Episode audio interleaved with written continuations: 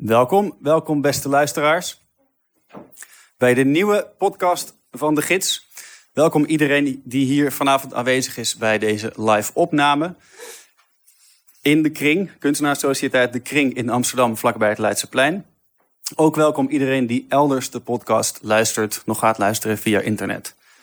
Mijn naam is Dirk Vis en samen met Rosa van Gol van de Groene Amsterdammer heb ik weer vier schrijvers gevraagd om nieuw werk te komen voorlezen. U kunt vanavond luisteren naar Nicky Dekker, Frank Keizer, Louis Luty en Vere van der Veen. Het programma duurt om en nabij één uur. En na de kunnen we nog wat met elkaar drinken en eten voor wie dat willen. Voordat we echt beginnen wil ik jullie nog kort de aandacht richten op het aankomende schrijversbal. Een nieuw initiatief van Maartje Wortel, Marjolein van Heemstra en Marcia Holman. Dat schrijversbal dat ook hier waar we nu zitten, als ik het goed heb, zal plaatsvinden in de kring. Ik lees, ik citeer uit de uitnodiging. Tijden veranderen. De literatuur verandert mee. En de feesten die daarbij horen ook. Op vrijdag 22 maart 2019 om 22 uur vieren we daarom graag met jou de toekomst van de literatuur met een feest der letteren Nieuwe Stijl. Alle schrijvers en boekenvakkers zijn welkom en dus niet langer afhankelijk van de voorkeuren van wie dan ook. Als je je aangesproken voelt door die uitnodiging, dan kun je je aanmelden via de website van de Kring. Al zijn de kaarten, dat moet ik er wel bij zeggen, al meteen schaars. Dan gaan we meteen beginnen. En de eerste die iets voor gaat lezen vanavond is Nikki Dekker. Zij publiceerde onlangs nog in de gids over archeologie. Ze schrijft, ze maakt radioprogramma's. En haar documentaire voor de radio De Oppas en ik werd genomineerd voor de Prix Europe. En haar podcastreeks Iets doen. Hoe doe je dat? Kreeg vier sterren in NRC en De Morgen. Ze publiceert in, naast de gidsen onder andere Tirade, Verzal Magazine en De Optimist. En ook trad ze op tijdens Lowlands en Dichters in de Prinsentuin. Nikki? Ik ga voorlezen uit mijn chapboek, een voorwerp dat nog leeft. En ik ga voorlezen uit de laatste gedichtencyclus die Circus heet. Niet de hele cyclus, dat gaat niet lukken, maar gewoon uh, zolang de tijd strekt. Kijk, er is nog niks. Donker, over, onder, in je. En dan een rimpel. Het zwart wappert, vouwt zich open, wordt een gigantische circustent. Langzaam loop je erop af. Er komt licht vandaan, muziek. Een fanfare van alles wat er is. Wie kan nog iemand kwaad doen nadat hij een hemelkijker heeft gezien? Dat bedoel ik. Stel je een grasveld voor, net buiten het dorp. Heuvelachtige hobbelstraten rondom, waar de honden los ronddraven en de kinderen worden gedragen tot ze weer om snoep vragen. Rennen alsof ze nooit moe zijn geweest. Nu het rumoer. Zestien vrachtwagens rijden het grasveld op. De tent wordt opgezet achter de benzinepomp. Iedere andere avond roken de tieners hier versleten marihuana. Iedere andere ochtend korten de mensen hun dromen.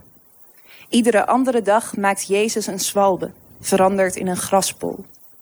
Maar nu staan hier 32 palen en een mast van 25 meter hoog. Het zou beginnen in bed. Een zomermiddag, zweterig licht door het schuine dakraam, haar hand op de buik van een ander en ze zegt: Wist je dat de vlinder al miljoenen jaren bestaat? Zulke kwetsbare, kleine beestjes, die tot nu toe allerlei onheil trotseerden. Eén meteorietinslag en de dino's waren dood, maar de eerste vlinders hadden geen eens bloemen nodig om te overleven. Ze dronken het sap dat uit bomen lekte en de tranen van een stegosaurus, dat is die ene met al die stekelschubben op zijn ruggengraat. Zet platvoet nog eens op. Dat bedoel ik. De miljarden bacteriën onder haar hand, in haar buik. De warmte van iedereen zo dicht bij elkaar. En dat liefde helemaal niks kan doen tegen de totale vernietiging van alles wat ons dierbaar is. Je hoeft het maar even op te lichten om te zien dat het al is begonnen. Elke ochtend voelt het tentdoek vochtig van onder en het lijkt misschien alsof nergens nog ruimte rest. Het niks friemelt tussen de haartjes, de randen, het bijna gebouwde. Kijk, een klein aantal werkers, een paar duizend, een pink van ons lichaam. De Argentijnse plaagmier komt overal vandaan. Het broeien, de stromen, de stampen, de voeten, ze ruiken altijd naar zichzelf. Of we nu in Afrika of Azië zijn. En als je met genoeg bent, versla je de getallen. En die hagedis die achter ons aan zat, we renden met z'n allen over hem heen en hij kon ons niet eten, omdat we zo snel waren en hij kon niet slapen van de jeuk en hij piepte zo hoog dat niemand het hoorde toen hij stierf. En dit is onze boerderij. We houden ze op deze stengel. We hanteren een scharrelbeleid. Elke luis krijgt twee vierkante millimeter ruimte en onbeperkt frisse lucht. Dit is geen plantage, dit is ethische veehouderij. Biodynamisch ook. En wie ben jij om te oordelen? We dachten dat mieren 50 keer hun eigen gewicht konden dragen. We bevroren hun lijken en lijmden de schedels vast in een centrifuge. Steeds sneller, steeds, steeds sneller, steeds, steeds sneller, sneller, sneller. Bij 350 keer werd het lichaam opgerekt. Bij 3400 keer brak de nek. Deze ideeën reizen de hele wereld over, zoals wel vaker in de wetenschap. Het doden, de pijnen, de bestanden met cijfers. Ze kunnen veel meer hebben dan we hadden verwacht. Ze wordt geaaid als een kat. Ik heb nooit veel gehad met speculaties over wat voor of achter me ligt. Een been dat zich tussen benen wringt, de haartjes die prikken, sepia-tinten. Als ik God was, had ik geen ark laten maken. Geen vloed, maar een kabaal. Ze voelt een glimlach, ouder dan zij is, langs haar wangen optrekken. Ze kent dit verhaal. Ik leef liever in het moment. Een palm in mijn flank, aan mijn wang. Zie hier, zie hier, de handenlezer. En ik knik soms. Ik zie het licht al.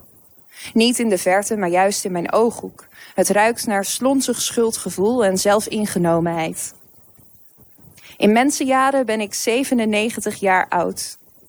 Mensenjaren is wat het kost om een hele diersoort af te maken. Je komt me met excuses paaien. Laat me toch meuren in het zand. Ga naar de zeug in je megastal, naar de kip in je eurotransport, naar de scheefgegroeide kweekvis in je oceaanvijver. Je denkt dat je de wereld kan redden met een paar symbolen? In de auto hier naartoe heb je een hectare en twee generaties gesmoord. Toe maar. Voor alles wat hier gebeurt ben jij verantwoordelijk. Het is niet jouw schuld. Kalm aan. Ik ben een neushoorn. Maar wat ik geleerd heb, is niet omdat ik een neushoorn ben, maar omdat ik de laatste neushoorn ben. En omdat ik doodga. Sommige mensen zullen zich voor je willen opofferen. Sommige mensen zullen met een andere blik naar je kijken. Sommige mensen zullen je cadeaus geven. Daar heb je niks aan, omdat je doodgaat, maar je kunt ze beter aannemen. De mensen voelen zich er beter bij. Ik weet wanneer je je mond moet houden.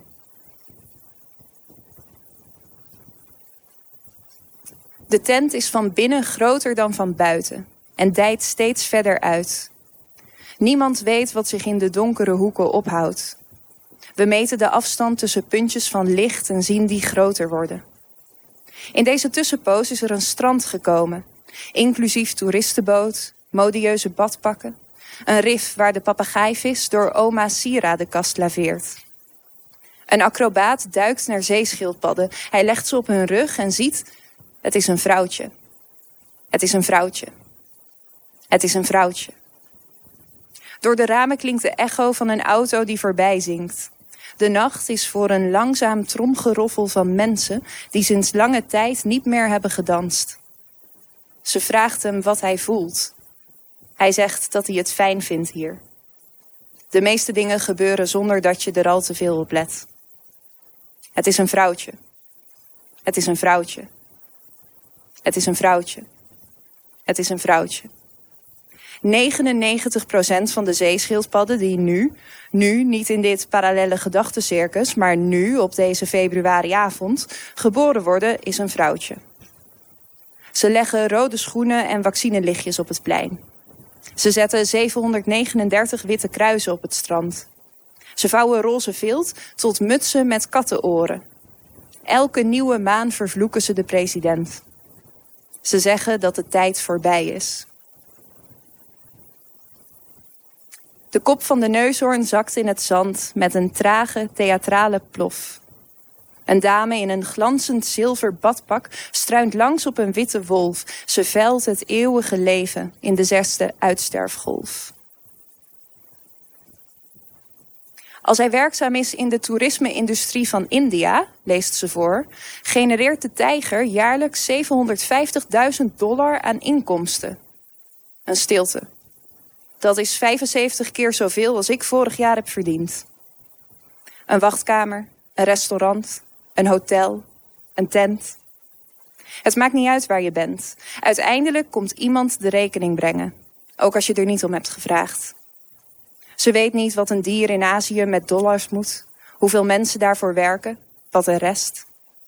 Geschuifel in de hal, zijn hand op de deurklink, haar jas half aan. Het doek wappert. Het is al laat. Het lijkt onwaarschijnlijk, maar wanneer ze langs de bushalte lopen, staart een kraai op het dak haar na, terwijl hij met zijn klauw over het glas schraapt. Dank jullie wel.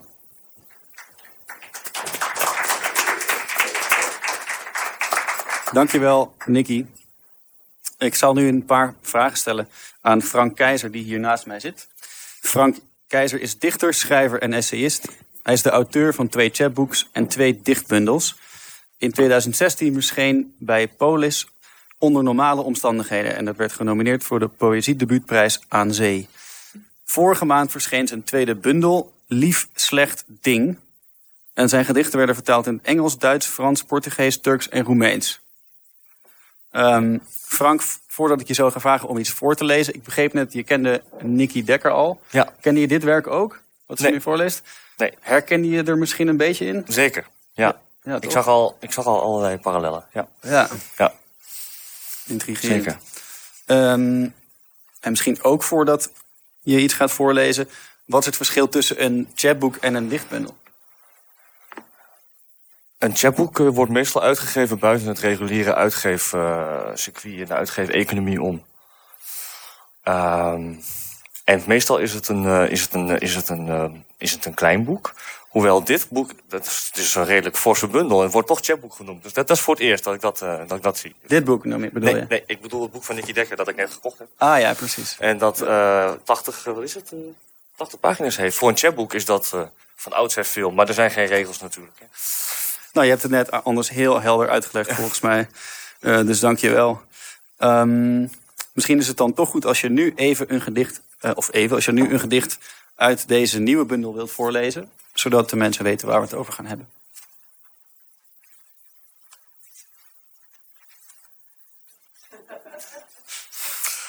Schrijf op wat je dwars zit. Er zijn weinig successen, er is alleen successie. En in je depressieve intuïtie komt er nooit een einde aan de depressie. Trekt er nooit andere lucht over dan die zo zwaar is als hier. Of het heet pas geschiedenis als het pijn doet. En pang, zei je hart. Het rekte zich op om meer te kunnen voelen en brak. Altijd heb je een zwak gehad voor de zere plek. Nu zijn dat zoveel plekken geworden en wil je liever genezen. Weten wat je blokkeert en wat verlicht.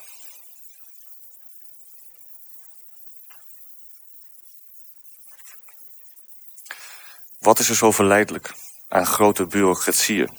Vertel het me, want ik weet niet waar je naartoe wilt met dit gesprek. Denk je soms dat je kwetsbaarheid zo kunt bestrijden? Als ze verzonken is in onze botten en nieuwe vormen van uitbuiting, zorg en macht? Ze hollen ons uit, zei ik, en ze brengen ons bij elkaar. Dus we kunnen elkaar niet loslaten. Het is al zo makkelijk om los te laten. We hadden allemaal dat lijk in onze mond gepropt, likten de smaak van onze lippen en onderdrukten elkaars stomheid. Overal vond je fataliteit. We werden omringd door de stank en de fantasie van eenheid die ze meebracht. Weet je nog? Toen. We werden allemaal atomen. We raakten iets kwijt. We vonden iets terug. Een morsige energie. Misschien moet je die verdeeldheid vergeten. De aarde is beschadigd. Allang. Maar waar moeten we anders heen? Er is geen boek, geen werk of strijd om ons te verenigen, zei je. Alleen de paddenstoel in de grond, in de lucht. Dank je.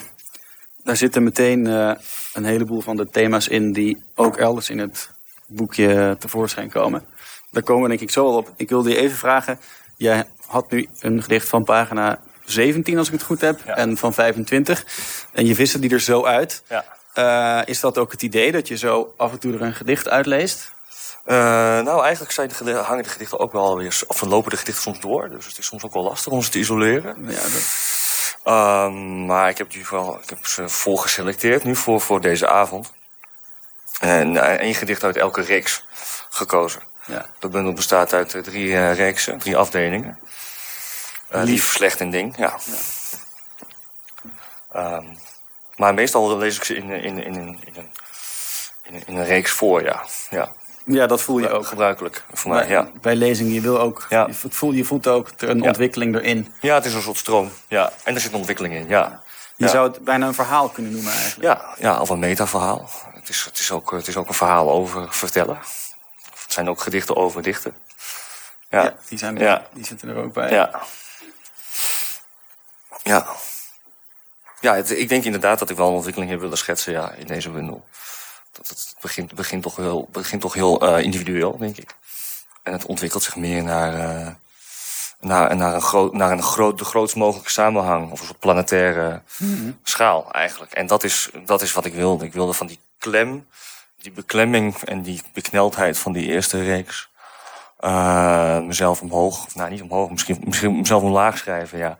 Naar het ongedierte. Ja, ik wilde En- eigenlijk één worden met, met, eh, met, allerlei, eh, met allerlei andere materie. Ja. Er zit een heel duidelijke manier in waarop je dat ook daadwerkelijk gedaan hebt. Ehm, dat laatste gedeelte is wat korter, als ik het goed heb. Maar is vanuit de wijvorm geschreven. Ja. En eh, is dat iets wat je had bedacht om te doen? Of is dat iets, eh, hoe ontstond dat? Ja, dat is, eh, dat is zo intuïtief ontstaan. Maar inderdaad, ik heb heel, heel bewust de wijvorm alleen ge- gebruikt. Of bijna alleen gebruikt in het laatste deel. En oh, dat was... Ja, ik zag die samenhang zag- ik opdoemen op een gegeven moment. Ik dacht van, ja, het wordt eigenlijk een bundel die zich van, van die individuele, dat individuele subject, die individuele stem, zich, eh, zich naar een soort, eh, naar een steeds collectiever wordende eh, verhaal Ja, toe beweegt. in, in dat eerste chapboek, Ja. want er zijn, er, er zijn vier bundels van je, als ik ze maar even over Ja. één kam scheer. Ja. De eerste heeft de geweldige titel Dear World, fuck off, ik ga golfen. Ja, En eh, dat ben ik nooit vergeten. En ehm, nee, die blijft hangen bij veel mensen. Ja. Ja. Maar in, dat, in die eerste bundel is er nog geen jij te bekennen. Nee. Dat is alleen maar ik eigenlijk. Nee. Ehm, ik, kan, ik kan nog even reclame maken. Die eerste bundel is gewoon gratis van Ja. jouw website te downloaden. Ja, als een echte chatboek. Ja. Kan ik van harte aanraden. En dus die, is die ontwikkeling ook eentje die eigenlijk over die vier eh, publicaties uitgesmeerd is? Of is het echt iets wat in dit boek gebeurt? Mm, nee, dat is, dat is een, ik denk dat dat wel een soort oerbeweging is in mijn werk, ja. Vanaf het begin al, ja.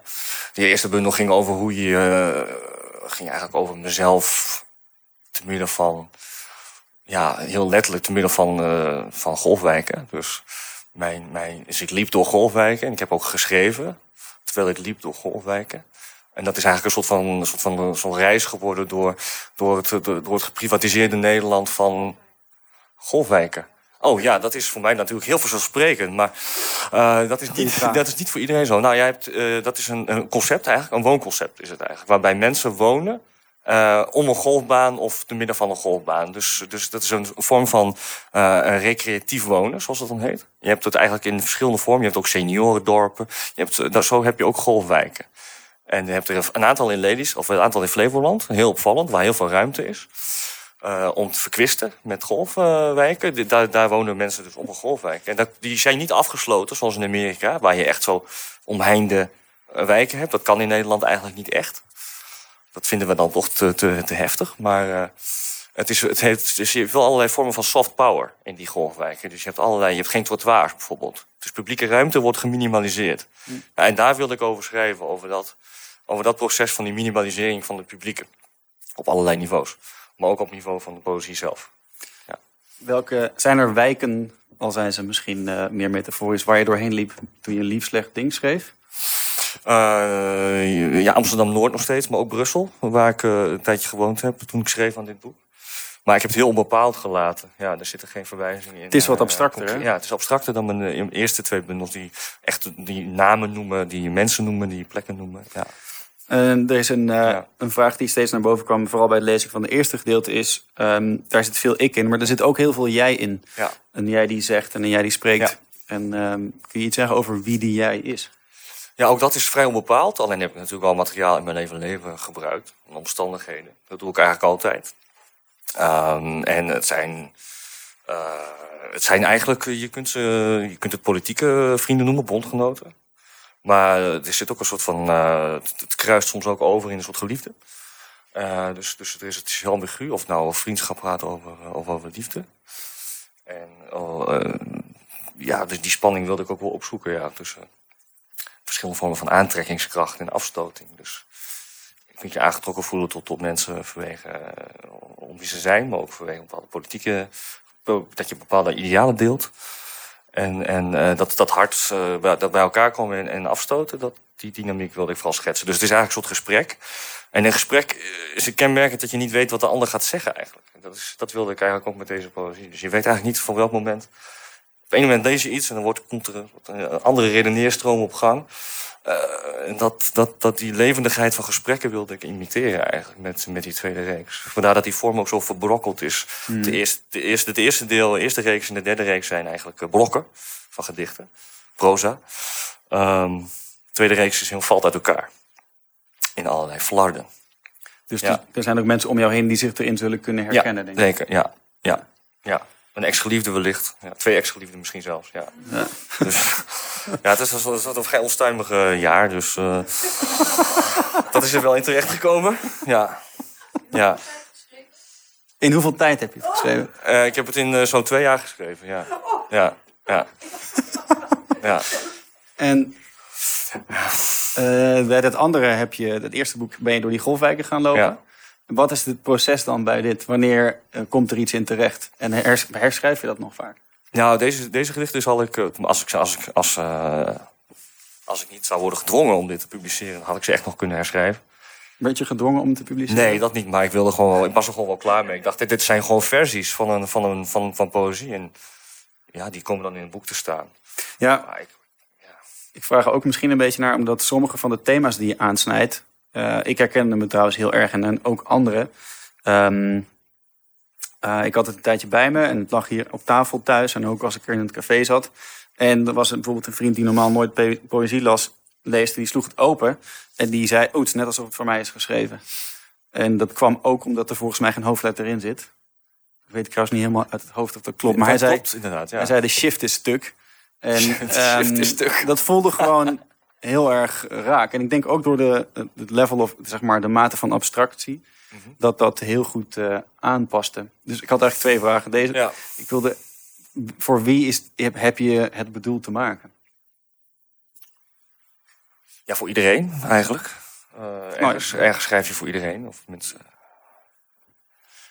Ja, maar het, ja, voor, mijn, voor mijn vrienden uh, ja, ook ergens. Net zoals al mijn werk toch ook voor uh, zich in een soort gemeenschap afspeelt. Ja, precies. Dat is voor dit werk ook wel zo. Alleen ik wilde het wel abstraheren, dus ik wilde wel proberen om daar. Uh, om, om, uh, om, om die onbepaaldheid maximaal te maken. Ja, ja gemeenschap. Nou, ik, ik vind wel dat, dat literatuur valt of staat met een gemeenschap. In hoeverre, ze die, in hoeverre ze die weet voor te brengen. Mm -hmm. En dat probeer ik expliciet uh, over te, dat probeer ik ook expliciet te maken in mijn werk. dat proces van uh, vermeenschappelijking. En ook trouwens de breuken daarin. Want, want het tweede deel heet slecht. En dat is het deel dat eigenlijk het meest gaat over groepservaringen. En groepssubjectiviteit. Maar ja, groepen zijn altijd slecht. En collectieven zijn ook altijd slecht. Dus er bestaan eigenlijk geen, geen goede collectieven. Collectieven zijn altijd slecht? Ja, in die zin dat er altijd iemand ontbreekt. Dus er is altijd, uh, er is altijd iemand die er niet bij hoort. Of er zijn meerdere oh, mensen die niet bij horen. Zodra dus je de ene groep hebt, is er meteen ja. mensen die er niet bij horen. Ja, dus het gaat echt het gaat heel veel die dynamiek van insluiting en uitsluiting. Ja. ja. Uh, maar dat is, eh, dat is niet, daarmee, dat wil, daarmee wil ik niet zeggen dat je moet streven naar een soort van perfecte gemeenschap. Integendeel. Perfecte gemeenschap is een dode gemeenschap. Dus, uh, perfecte gemeenschap is een dus dode dus, gemeenschap. Dus het moet levend blijven. Daar komen we dan allemaal nog in terecht uiteindelijk, dat scheelt. Ja, we komen allemaal in de gemeenschap van doden terecht. Waarmee je ook in gesprek moet, uiteindelijk. Altijd. Ja. Dat is waar. Ja, je blijft altijd met de doden in gesprek. De meeste gesprekken gaan, zijn met doden, denk dat is ik. Ja, dat is waar. Ja. Mooi gezegd. Ja. Uh, ik herkende me er dus ook in. En die vriend van mij waarbij dat gebeurde, was trouwens toevallig genoeg op een, een middag wekelijks, wat we net zijn begonnen bij, omdat we allemaal herkennen, er is eigenlijk een gebrek aan collectiviteit. Ja. Dus we komen gewoon hier samen en dat, en dat is een manier om dingen met elkaar te delen. Dat heeft dus eigenlijk meteen al gewerkt. Um, gebrek aan organisatie is een citaat uit de bundel. Ook een hele mooie vond ik. Ook buiten de slaapkamers moesten we elkaar kunnen vinden. Ja. Dat is ook iets voor onze tijd. Ja. Um, dus als ik het lees, dan is het een. Je ziet het, het, het, het lukt gedurende de bundel. Want aan het einde schrijf je in de wijvorm. Ben je ergens een onderdeel van geworden? Ja, het, het derde deel is meest bezielend, denk ik. Ja. Ja. ja de eerste twee delen zijn vrij. Uh, ja, is het, isolerend misschien zelfs. Of tenminste, er wordt gevochten tegen isolatie. Ja isolement. Is het schrijven ervan. Ik dacht misschien is er een vraag uit. Nee, dacht ik ook. Maar. Is er, is het heeft het schrijven ervan ook geholpen aan het vormen van die collectiviteit? Of is het het, het weergeven van dat dat langzaam ontstaat? Je kunt jou ook zien. Ergens er zit er een gedeelte waarbij je volgens mij meedoet aan een protestactie. Of er zijn andere soorten collectieven die redelijk abstract er wel in te herkennen zijn. Heeft het schrijven ervan, daar, is het een, daar een verslag van? Of is er een andere uh, verbinding met de daadwerkelijke totstandkoming van die collectieven? Um, ja, ja, ik ben, ben naar aanleiding van dit werk en een aantal uh, ja, uh, gevoelsgenoten uh, in de politiek, bondgenoten in de politiek, ben ik, gaan, ben ik samen gaan, zijn we samen gaan schrijven, ja, op elkaar reageren. Dus dat is een soort klein collectiefje dat zich heeft gevormd. En ik denk dat ik in mijn nieuwe bundel nog verder wil gaan met het schrijven vanuit een gemeenschap. Daar wil ik mee experimenteren. Schrijven vanuit een, een plek. Dus wil ik juist dit onbepaalde juist weer... Ja, wil ik eigenlijk weer verlaten, denk ik. En, en kijken of ik... Hoe, hoe, hoe, ver ik kan gaan met concrete... Uh, ja, concreet opgaan in. En dan schrijven. Want dat, dat is altijd een spanningsveld als je als dichter... Heel, je bent, je bent altijd individueel bezig, toch? Merk ik. En bij andere kunstvormen is dat vanzelfsprekender, denk ik, om... Uh, om die collectieve ervaringen op te roepen. Theater bijvoorbeeld, meer dramatische. Ja. ja. Ja, dat vond ik ook een van de grootste spanningen. Dat je zoekt naar collectiviteit en opgaan in elkaar. Ondertussen schrijf je in je eentje gedichten, die ik ook in mijn eentje lees. Daar vindt dan wel iets plaats. En in dit geval hebben we het er ook over. Maar dus dat, dat maakte mij ook nieuwsgierig naar... wat zou de perfecte uh, situatie zijn waarin iemand dit werk van jou tot zich neemt? Hoe ziet de ideale situatie eruit waarin iemand dit te verstouwen krijgt? Ja, nou, ik denk in bed. Ja. Alleen? Ja, niet alleen, maar met iemand. Maar dat is onduidelijk wie diegene dan is. Ja. Wat de verhouding nou precies is tussen die twee mensen. Uh, en er wordt gesproken na, dat is een soort van situatie na een protest, denk ik. Ja, wanneer je thuis komt en uh, ja, eten kookt. En, uh, aan de keukentafel zit en later gaat slapen. En, ja, of in de modder, dat kan ook. Ja. In de modder? Ja. Ja, besmeurd. Ja, vies geworden door de, ja, onvermijdelijk vies geworden. Want zuiver blijf je niet. Ja, nee, je moet vieze handen maken. En dat is, dat is ook iets waar, waar, waar dan de laatste reeks over gaat. Want laten we maar samen in een. Laten we maar modder worden. Of laten we maar uh, ja, gemeenschap stichten in de, ja, in de, in de meest gure omstandigheden. Ja. Dat lukt jou steeds meer, hè? Vieze handen maken. Vieze handen maken, ja. Het zijn de ruïnes, denk ik, waar je, waar je in zit al. Het is niet het idee van we voorkomen, dat we, we voorkomen de catastrofe. Nee, de catastrofe is al hier. En dan moet je verder leven. Dat is het uitgangspunt van deze. Ja, het is al kapot en dan ga je verder. Nou ja, dat... Ja. Ehm, Oeh. Een kleine pauze, kunnen we even over nadenken. Dat wil zeggen, we gaan luisteren naar iemand anders. Komen we zo- meteen nog even nog op terug, de catastrofe waar we middenin zitten. Ehm, de volgende eh, lezer is Louis Luty. En Louis Luty is schrijver en boekontwerper. En naast nauwe samenwerkingen met kunstenaars, eh, zoals Biscotti, Bok en Gayezumov, is hij auteur van onder andere het ehm, niet meer te verkrijgen, maar juweeltje van een boek getiteld On the Self-Reflexive Page. En hij is trouwens ook docent aan de Gerrit Rietveld Academie. En onlangs, een maand geleden, kwam zijn nieuwe boek uit, A Die with 26 Faces. Eh, ik heb daar een presentatie van gezien. Ik vond het is een jaloersmakend mooi boek. Waarin hij langs zijn collectie boeken gaat met letters ehm, als titels. Ik weet niet of ik het nu goed zeg. Die boeken hebben allemaal een letter als titel. Deze alfabetboeken zijn soms bekend, zoals het boek W van George Perec. En soms onbekend of misschien zelfs imaginair. En eh Luthi mixt essay en fictie als hij langs Joyceaanse personages de symbolische inhoud van letters en bibliotheken in bibliotheken meeneemt. Ik heb mijn verzameling alfabetboeken de deur uitgedaan toen ik zag dat iemand ze allemaal compleet had. Eh, als je na vandaag iets, meteen iets van Louis wilt lezen, dan kun je ook online naar de gids. eh, waar je het e-book zult vinden waar hij nu kort iets uit voor zal lezen in het Engels. We hebben dat e-book als gids uitgegeven in het Engels en het Nederlands. On Black Pages of over zwarte pagina's. Daar gaan we nu naar luisteren. Louis? Yeah. so I'll read a few um, a few sections from on Black Pages.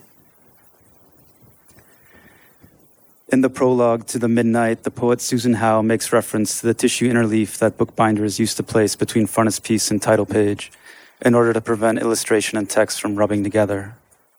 Her words are preceded by a full bleed photograph of the interleaf in an old copy of Robert Louis Stevenson's The Master of Ballantrae, through which the title page can be made out. On the reverse of the page, a mirror image of the photograph signals that the reader has passed through the looking glass. The blurred backward words serve as a whisper and a stage direction. The Midnight is an elegy written by an insomniac, a dense composition of erudite prose, staccato poetry, and photographs of inherited books of partially obscured frontispieces and title pages. Howe writes, Although a sign is understood to be consubstantial with a thing or being it represents, word and picture are essentially rivals. The transitional space between image and scripture is often a zone of contention. In the following pages, I will explore several examples of such zones of contention. In each instance, the conventional layout of a passage of prose is interrupted by a black rectangle, a negation of writing embedded among uniform rows of typeset words. Mischief, Howe writes, delights in playing with surfaces. In Volume 1 of Lawrence Stern's The Life and Opinions of Tristram Shandy, Gentleman, a black page commemorates the death of Parson Yorick, whose famous wit and candor proved to be his undoing. He lies buried in a corner of his churchyard, Stern writes, in the parish of, under a plain marble slab, which his friend Eugenius, by leave of his exe- executors, laid upon his grave with no more than these three words of inscription serving both for his epitaph and elegy Alas, poor Yorick. By now, the reader has become accustomed to Stern's irreverent discursive style. The text is scattered throughout with dashes of various lengths and suggestive rows of asterisks. The black page is the first of several more conspicuous graphic devices. In Volume 3, a marbled page emblematizes the, ang- the singular, unpredictable nature of a life. In Volume 6, a blank page is presented to the reader so that he may paint a desirable woman according to his own preferences, as like your mistress as you can, as unlike your wife as your conscience will let you. And in Volume 9, a blank page is inserted to let people tell stories their own way. Stern's black page is the repurposing of a common printing device at the time. Already in the early 17th century, the first and last pages of elegies and funeral sermons were sometimes printed black. These so called mourning wrappers were useful as temp- used as temporary bindings. The pamphlet could be pinned to the coffin or hearse in a public show of grief or distributed among mour- mourners at the funeral.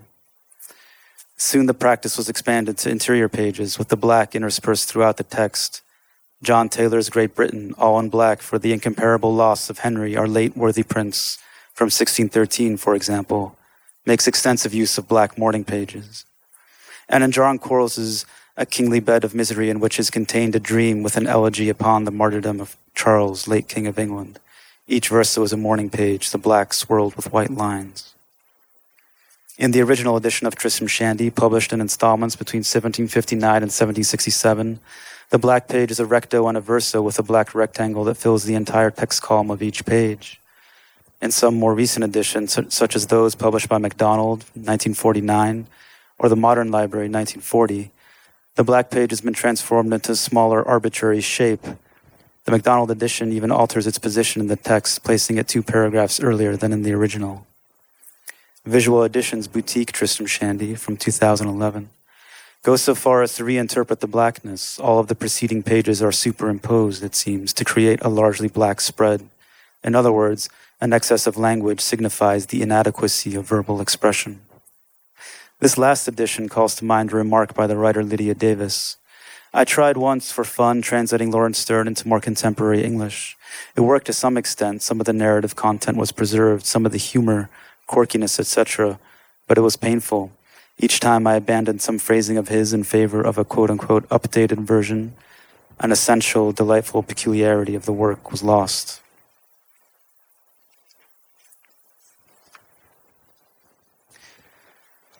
The manuscript of Walter Benjamin's unfinished Arcades project consists of some 400 sheets of paper folded down the middle and gathered into 36 convolutes, or bundles.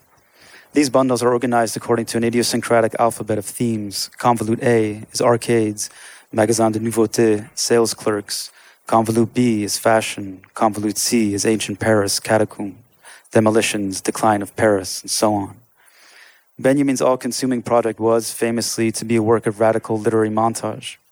I needn't say anything, he wrote, merely show. I shall appropriate no ingenious formulations, purloin no valuables, but the rags, the refuse, these I will not describe, but put on display. One way Benjamin structured this ballooning mass of interrelated quotations was to use small black squares to signal cross references. Indeed, the manuscript is dotted with black squares and a further system of 32 assorted symbols squares, triangles, circles, vertical and horizontal crosses, in various inks and colors. The black squares, which are kept in the published German edition, the English translation, for some reason, has changed these into empty rectangles usually refer to convolute's theme, such as the flaneur, but sometimes they refer to a theme that is subsumed under a convolute's main theme, such as hashish, which is touched on in the Baudelaire convolute. In this way, the reader can follow the links between convolutes, reshuffling, as it were, the loose manuscript pages. In Walter Benjamin's archive, which reproduces a selection of the author's papers, the editors write Benjamin often applied, applied much care to the graphic form, the physical arrangement of his manuscripts, while he worked extremely carefully on the structure and, and layout of his essays and books, equally important to him were the proportions of the architecture of the page. Part of the writing sense of form involved the need to create something for the eye to do. Topographical relationships, spatial organization, optical alignments, and divisions are not only apparent on the drafts and the pages that include calligraphic elements. Countless scraps and sheets in the bequest are evidence of a sensibility attuned to graphic elements, spatial dimensions, and design.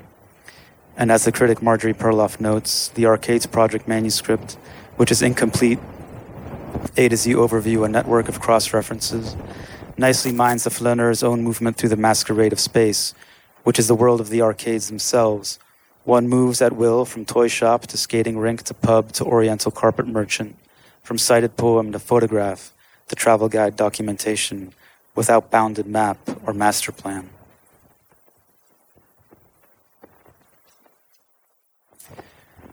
When William H. Gask completed the tunnel in 1994, he appended a set of layout and design instructions to the manuscript. These included detailed notes on the drawings incorporated into the text, the choice of typeface, the page numbering, and the use of color. This manuscript, he wrote, will naturally be manufactured and presented to the public as a book, and it will be a real book, no doubt about that, but it must, it must not be a book symbolically. Symbolically, it is a heap of pages on various topics which the narrator has shuffled together. The book's narrator is William Frederick Kohler, an embittered World War II historian purportedly writing the introduction to his latest work. In fact, he spends his time writing about his own life, imagining a fascist political party, and furtively digging a tunnel out from the basement of his home. The tunnel is, trans- is dominated by the trope of its title. In an interview, Gass described the text as at once the hollow absence of life, words, and earth which a narrator is hauling secretly away. An analogy that extends to the book itself. Gass's instructions stipulated that the belly band, the dust jacket, the rough cloth binding, and the front end papers should all be black. A crude diagram of Kohler's tunnel should be drawn in white on the front end papers, as if in chalk, along with a 12 inch dressmaker's tape, paralleling the course of the novel through its 12 sections. Thus, one enters the book through a series of unwrappings, he wrote. The sleeve, the dust jacket, in effect, the lifted cover, passing through an anonymous darkness whose only assistance is the suggestion that the book so entered is a kind of tunnel. Although the first edition adheres closely to Gass's wishes, it differs in two aspects. The text is mainly set in an old style Roman, whereas he had wanted a bolder font. Ideally, it should produce an assertive black thorny page with a hint of Old German in the style. I would love it if every line looked like a length of barbed wire. And the author's name is on the dust jacket. Or rather, the transparent jacket wrapped around the dust jacket, whereas he wanted nothing on the front cover or dust jacket. It should be completely empty and dark, he wrote, like outer space or the inside of a cave. The reader should be holding a heavy, really richly textured lump of darkness.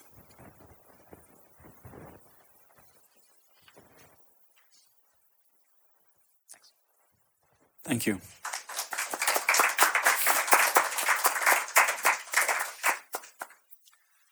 Een, een brokje duister, uh, daar blijven we dan mee over.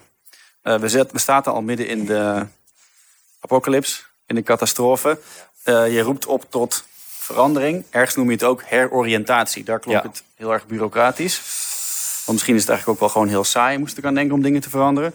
Eigenlijk gewoon tot revolutie, geloof ik. Uh, postrevolutie, ja. Nee, ik denk, uh, de bundel begint wel vanuit het idee dat revolutie zoals we dat kennen niet, niet mogelijk is eigenlijk. Ja. Uh, ja, is onmogelijk geworden. Communisme is ook, is natuurlijk, ja, als, als zeg maar primair idee van de revolutie is dat op de schroothoop van de geschiedenis belandt. We hadden het net over Benjamin, ja, het is natuurlijk ook zijn project eigenlijk om, om voor te gaan, door te gaan te midden van die catastrofe. En dat kan eigenlijk alleen onaf. En, en, en, dat kan niet met een grote horizon gloren, waar we naartoe gloren met z'n allen. Nee, dat, mm. dat, is er niet meer. Maar je moet wel doorgaan. Ja, je oriëntatie, ja. Ja, dat, is, dat klinkt misschien wel bureaucratisch, ja. Maar dat is het idee dat je, dat je je opnieuw moet, letterlijk opnieuw moet oriënteren. Dus op de tast moet verder moet. Dus er zit wel een soort idee in van, van je zinnen moeten opnieuw uh, worden opgevoed eigenlijk. Tot, tot politiek uh, zien en handelen. Ja. En poëzie is daar voor mij een manier om dat te doen. Dat, die nieuwe ervaring van dat zintuigelijke. Uh, maar nu ben ik heel ver van je vraag af, uh, afgedwaald. Ja, hartstikke maar, fijn. maar dit is voor, voor mij wat poëzie dan kan doen. Ja. Die, die nieuwe ervaring. Uh, een heroriëntatie. Ja, zijn. maar ook van de zinnen, letterlijk in, hun, ja. in hoe je de wereld uh, tegemoet treedt. Waarmee ik niet wil zeggen dat je een soort van eerste een soort van esthetische revolutie nodig hebt voordat je aan politiek kunt beginnen. Uh, dat niet. Maar dus het, door het uit te voeren, door het te schrijven, door het te doen, verandert het dus ook hoe, uh, hoe, je, naar de, hoe je de wereld ja. ziet. Ja. Vrij Ja. letterlijk, omdat het de Precies. aan kan passen. Ja, het kan de zinnen inderdaad uh, veranderen. En dat is al, dat vind ik eigenlijk een heel radicaal iets eigenlijk, om je van bewust van te zijn. Ja, dat is wel zo. Ja, Dat is wel heel tof. ja dat, dat, vind ik, dat vind ik zo fantastisch aan, aan poëzie, ja. Aan kunst, ja. En ja, er zijn nog zoveel dingen. Ehm, eh, waarom, sommige, waarom dan sommige dingen in, in, een, in poëzie en andere dingen in een essay die je ook schrijft? Uh, nou ja, het essay als vorm, ik, ik weet het niet. Ja, ik heb er wel een paar geschreven, maar uh, Dit is, dit is eigenlijk is mijn, dit is mijn, Ja. dit is eigenlijk mijn essays. Of het is heel, het is heel Ja. discussieve uh, of essayerende poëzie ergens. En, Oké, eh, dat ligt me beter, denk ik. Ja. klaar. Ehm, bij het laatste deel, je hebt he- overal motto's staan. Mhm. En eigenlijk citaten van eh, auteurs. En bij het laatste deel citeer je Ursula Le Guin, die science fiction schrijft. En dat haal je niet echt uit dat citaat, geloof ik. Nee. Maar ik vond het wel heel goed passen bij dat derde stuk. Omdat het een en al gaat over utopie en over hoe je daarmee om moet gaan. Ja. Ja, het is meer impliciet inderdaad. Want het derde deel is een meest uh, dystopisch, uh, of meer science fiction. Uh, is een, is, heeft meer elementen van het bouwen van werelden, wat jij in science fiction ook hebt. In mijn, in mijn ogen is dat de eerste plaats science fiction werelden bouwen. Dus het hoeft niet eens in de toekomst te zijn, dat kan ook in het verleden zijn. Maar dat doe je hier ook? Dat doe ik hier ook. Dus het is ook ambigu of het in het verleden of in de toekomst is. Ja. het, is, het is eigenlijk een ook de tijd is ambigu, omdat het over de toekomst gaat, maar in de verleden tijd is geschreven. Dus zo zitten er allerlei spellen, allerlei, eh, met tijd uh, wordt de tijd eigenlijk door elkaar dit, dit, is een hele mooie regel, er staan een heleboel mooie regels in, maar hier, de tijd van het gedicht, zei je eens, is die van de toekomst. Ja. Komt uit, weet, je, weet je de volgende regel nog? En maakt daar ritmisch een opening in. Ja, precies. Zoiets komt er dan achteraan. Ja, dat is prachtig. Ik vond het fantastisch. Heb je daar wel eens iets van gemerkt, van dat ritmisch een opening erin maken in het echt? Bij, bij poëzie heb ik die ervaring, ja. Als we het net, als we het net hadden over ervaring, dan heb ik dat bij poëzie wel. Ja. Dan denk ik, oh, de toekomst wordt hier voorbereid of aangekondigd. Ja. Ja, dat kan ritmisch. Ja, heel goed. Dus het is temporaliteit in poëzie. En, en, maar dit is, deze bundel als geheel is meer de temporaliteit van het midden, denk ik. Van het, van het, van het, uh, wat is dat? De temporaliteit van Ja, van een, onge, van een open, een heel open tijd zonder randen eigenlijk. Dus, dus het idee dat je, niet, dat je niet vertelt met een begin en een midden en een eind, maar dat het eigenlijk een, een soort uitgestrekt midden is. Wazig nu, waarin uh, de dingen plaatsvinden. Ja. Instabiel ook. Ja, een instabiele tijd. Ja. Um, ik denk eigenlijk tot slot, wat is er mooi aan communistische lyriek? Nou, het is mooi omdat het uh, mislukt is. Ja. Ja, het is een poëzie van de nederlaag. Dus, uh, We hadden het hier vooraf al ja. eventjes over. Ja. En het is mooi omdat het niet mooi is, begrijp ik. Ja. Het is aandoenlijk of zo. Het is aandoenlijk, maar dat klinkt zo... Oh, zo schattig. Die schattige communisten met hun idealen. Nee, wat mooi is, is dat... Uh, ja, het ging over Gorter, in specifiek, nu. Maar inderdaad, dat het, dat het mooi is omdat het lelijk is, dat, dat vind ik wel aantrekkelijk. Omdat je teruggaat naar het afgedankte van de geschiedenis en het afgedankte idee. En ruïne. ja, de ruïne van het idee. Ja. En dat, uh, dat, dat, dat levert altijd prachtig. Uh, ja, de overtuiging, combinatie van overtuiging en moedeloosheid op. Ja, dat is, dat vind ik een affect dat mij heel, dat is een affect dat mij heel erg raakt. En net als Gorte, Gorte schreef, ik wil in nederlaag uw dichter zijn. Over de arbeiders. In nederlaag wil ik uw dichter zijn. Nou, dat is, dat is prachtig. Dat is een missie, vind ik. Ja. Wil jij dat ook? In nederlaag wil ik uw dichter zijn. Arbeiders. Kan ik dat met overtuiging zeggen?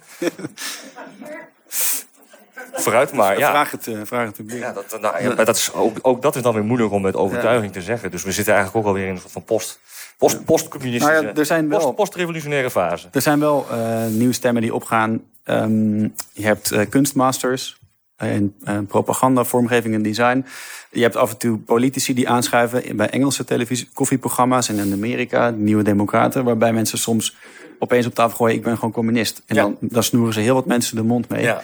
Ja, dat is heel verwarrend, hè, als je dat zegt. Ja. Ja. Zit jij, Ja. hoor die mensen bij jouw collectief? Nou, ik, ik, uh, ik kijk daar wel, dat, kijk daar wel met, met, met op, ja, verbazing en ook wel met enthousiasme naar. Ja. Gewoon zo dat zegt. Ja. Ik vind het nog steeds moeilijk, namelijk. Ja. Ja, als ik heel eerlijk ben, denk ik, ja, ben ik nou communist of niet? Ja, nee, ik weet het niet. Ja. Ja. Ja, toch, toch wel een beetje mislukt dan. Een mislukte communist. Een mislukte communist. Ja, ja, toch wel. Maar ja, dat, dat, eh, dat, zijn, Eh. we- dat zijn we allemaal misschien.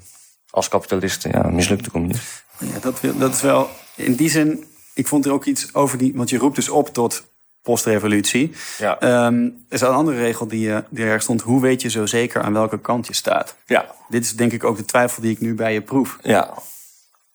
Ik vond het zo mooi omdat je, omdat je het ambigu maakt. Ja. Dus je kunt het wel vinden en, dat het collectief, het moet allemaal anders en, en sociaal en noem maar op. Maar ondertussen doen we gewoon mee met hoe de boel nu is. Ja, en poëzie gaat over pijn. Hè? Dat het moet wel over pijn gaan. Oké. Ja. Het is niet zo dat je... Daarom is wel Gort, Gorter mooi. Gorter schrijft over zijn pijn. Dat, hij, dat, hij, dat zijn wereld niet eh, ge- gerealiseerd is. En hij schrijft dat in de jaren, begin jaren twintig. na de Russische revolutie die niet geworden is wat, wat hij ervan gehoopt heeft. En nadat de, sociaal, ja, de revolutie in Duitsland is, uh, ja, is onthoofd. Uh, hij schrijft gedichten over Rosa Lux, aan Rosa Luxemburg en Karl Liebknecht. Waarin hij dat uh, verwoordt. Ja, wij zitten nu in een nog veel ergere situatie mm. eigenlijk.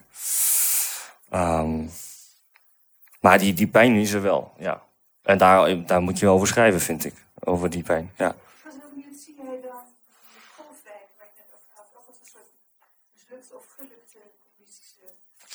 Ja, dat is een soort perversie van, uh, van de vraag uit die. Van... Is het wel gelukt of mislukt voor jou? Ja, het is het, het, Mensen zijn wel gelukkig daarin. ja, maar het geluk is wees. Ja, het is een verweest geluk. Het is een geluk zonder. Uh, ja, het is een weesgeluk. Die mensen zijn wezen, in mijn ogen. Ja. ja, dus het geluk wordt geïmiteerd. Maar het is voor mij geen echt geluk, omdat het geen collectief geluk is. Het staat, staat ook heel provocerend natuurlijk op de achterflap. Alleen collectief geluk. Uh, nou, dat is communisme eigenlijk, in mijn ogen. Collectief geluk. Maar ja, eerst maar eens zelf gelukkig worden, hè. Dat is ook niet geluk nog, dus ja. ja, het, zo blijft het uh, gewoon heel pijnlijk. En daar gaat het wel over. Ja. Ja. Twee, la- laatste. Ja. Eh, je eindigt ook met hij treedt wereldwijd op. Ja, in heel kleine zaaltjes. Ja. Maar wel, het is wel waar. Ja. Nou ja, het is toch behoorlijk collectief dan toch Ja. Maar altijd in het Nederlands? Altijd in het Nederlands, ja. En de dan meest wordt- rare plek in Nederlands voordragen, dat is heel leuk. Ja, ja maar dan staat er gewoon, wordt er dan vertaling en internationaal, wordt dan in het Engels wordt het gebeamd natuurlijk. Maar ja, je draagt dan wel eh, Nederlands voor op een, op een eh, ergens in een soort eh, drassig land in Kenia of in, in, in India. Ja, het is wel leuk, ja. ja. Tof. Maar ja, ja. Wat, tot allerlaatste ding. Wat hoop je dat hierna komt? Hierna. Ja, hierna. Oh, eh ja, we hebben het nu zo vaak over post, eh, post, ja, postrevolutie gehad. Nee, na deze... Maar na deze bundel, nou, ik werk nu aan een nieuwe reeks gedichten over, eh, ja, de, over de klimaatcrisis. Ja, zoals iedereen. Ja, nee, maar dat. eh, Maar vanuit, je zei net vanuit collectiviteit. Ik bedoel, alle gekheid op een stokje. Is dat een ander... Is dat, is, je, is dat een heel ander ding aan het worden? mm, nou, nee, niet een heel ander ding. Nee, nee ik denk dat ik wel altijd voort, voortbouw. Maar dit, dit gaat over. eh, En, en denk je dat je nog ooit niet vanuit de ruïne zult... Dat jij het nog meemaakt, dat je ooit niet vanuit de ruïne zult schrijven? nou, de ruïnes. Nee, er komen alleen maar meer ruïnes. Ja. ja Nederland komt onder water te staan. En dus ja, dat, dat- ja, wat dat blijft blijven behelpen. Ja, Oké, Frank. Dankjewel. ja sorry. ja.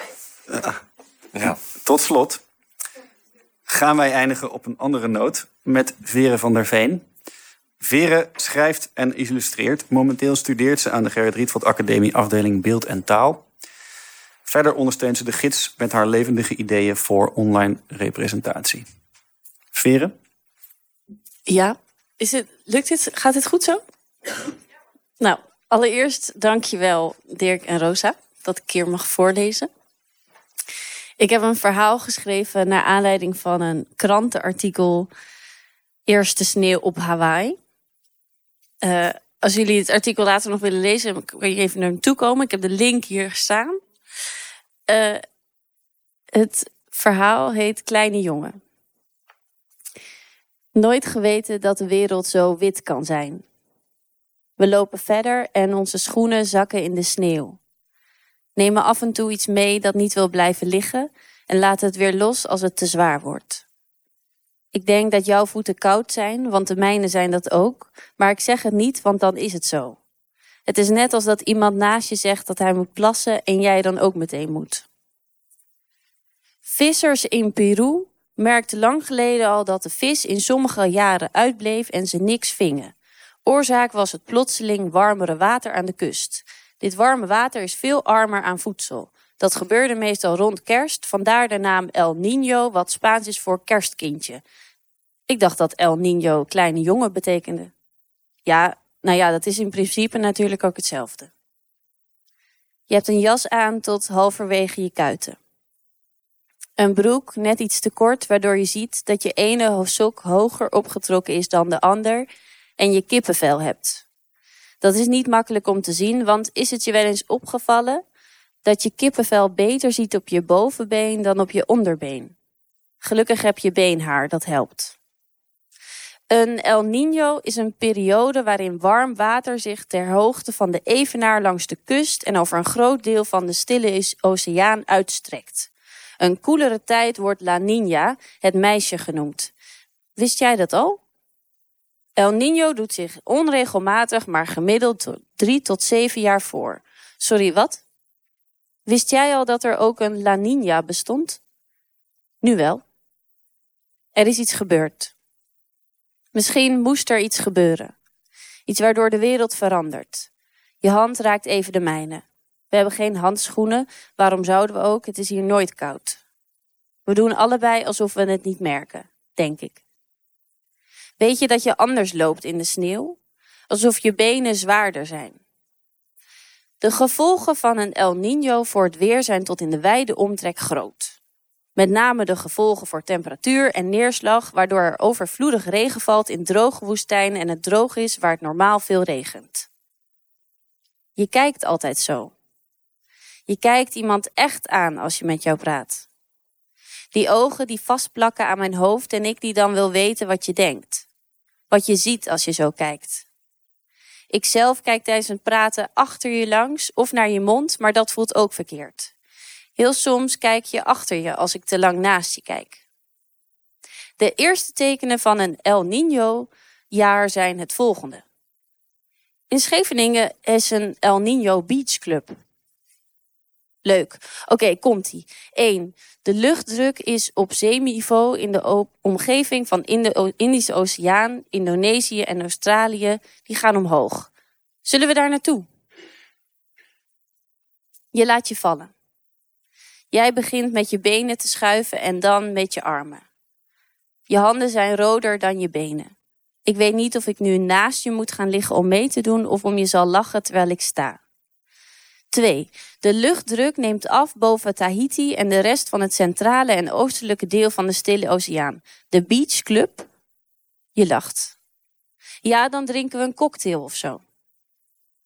Toen ik neerdaalde in de sneeuw, kroop mijn jas omhoog. En nu voel ik de sneeuw smelten tussen het blote stukje huid tussen mijn broek en jas. Je kijkt me aan. Langer dan alleen om te zien of ik lig. Nu naast je liggen voelt anders dan in het warme zand. Misschien zie je me beter als het overal wit is. Als een tekening op een wit papier. 3. De passaatwinden zwakken af en draaien af naar het oosten. Ik hou niet zo van cocktails, denk ik. Een biertje? 4.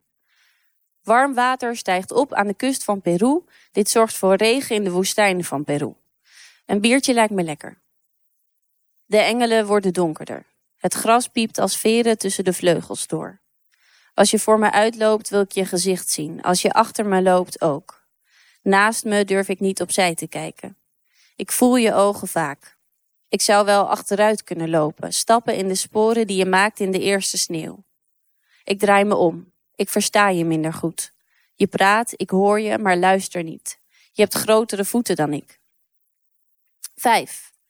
Warm water wordt van het westen naar het oosten van de Stille Oceaan verplaatst. Dit zorgt voor veel regen in het oosten van de Grote Oceaan, waar het normaal droog is, en droogt in het normaal natte westelijke deel van de Grote Oceaan. Lust jij eigenlijk wel bier? Ik versta je toch. Ja hoor, en wat is nummer 6? Ik stap nog steeds in je stappen.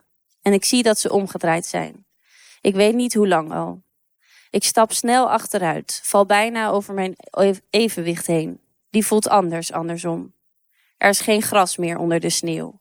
Het is zand. Je sporen komen dichter op elkaar en dan bots ik.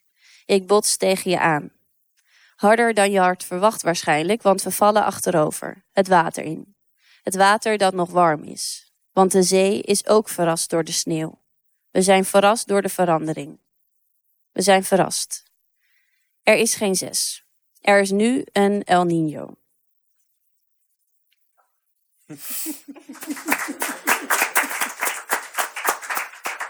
Dankjewel, Veren. Tot slot danken wij nogmaals onze sprekers voor hun bijdrage. Veren van der Veen, Frank Keizer, Louis Lutti en Nicky Dekker. We danken de Kring voor hun gastvrijheid, Pamela voor de organisatie, Dick voor de techniek, Arno Peters voor de geluidbewerking en het Nederlands Letterenfonds voor de ondersteuning. Samen met de nieuwe redactie van DIG voorheen de internetgids, zijn we alweer bezig met een nieuwe podcast die op maandag 20 mei in de kring met nieuwe gasten opgenomen zal worden. Voor alle aanwezigen in de zaal, wees welkom om met ons mee wat te drinken en te eten. En ik hoop jullie allemaal spoedig te zien tijdens het schrijversbal binnenkort. Bedankt.